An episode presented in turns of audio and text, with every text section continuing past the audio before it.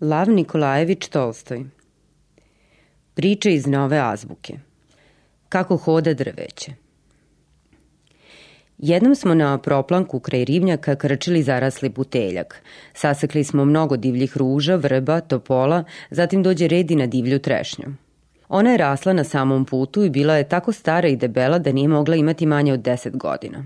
A znam da je pre pet godina krčen vrt. Nikako nisam mogao da shvatim kako je tu mogla izrasti tako stara divlja trešnja. Posekli smo je i otišli dalje. Dalje u drugom čestaru rasla je još jedna takva divlja trešnja, čak i deblja. Razgledao sam njen koren i ustanovio da je rasla ispod stare lipe. Lipa ju je prigušila svojim granama i divlja trešnja je polegla po zemlji pravim stablom dugim pet aršina, a kad se domogla svetlosti, podigla je glavu i procvetala. Ja sam je sasekao u korenu i iznenadio sam se koliko je još bila krepka, a koliko je koren bio truo. Kad sam je posekao, seljaci i ja prihvati smo se da je odvučemo, ali ma koliko da smo je vukli, nismo je mogli pomaći s mesta, kao da je srasla sa zemljom. Ja rekoh, pogledaj da se nije negde zakačila. Nadničar se podvuče pod nje i povika. Pa ona ima drugi koren, na samom putu. Ja mu se pridružih i videh da je to istina.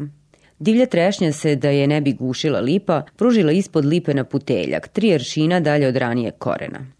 Onaj koren koji sam isekao, istrulio je i osušio se, a novi je bio mlad. Ona je očito osetila da neće moći živeti kraj lipe. Pružila se, prirasla je grančicom na zemlju, napravila od nje koren, a raniji koren napustila. Tek tad sam shvatio kako je izrasla ona prva divlja trešnja na putu. Ona je po svoj prilici učinila isto, ali je uspela da sasvim napusti stari koren, tako da ga nisam ni našao.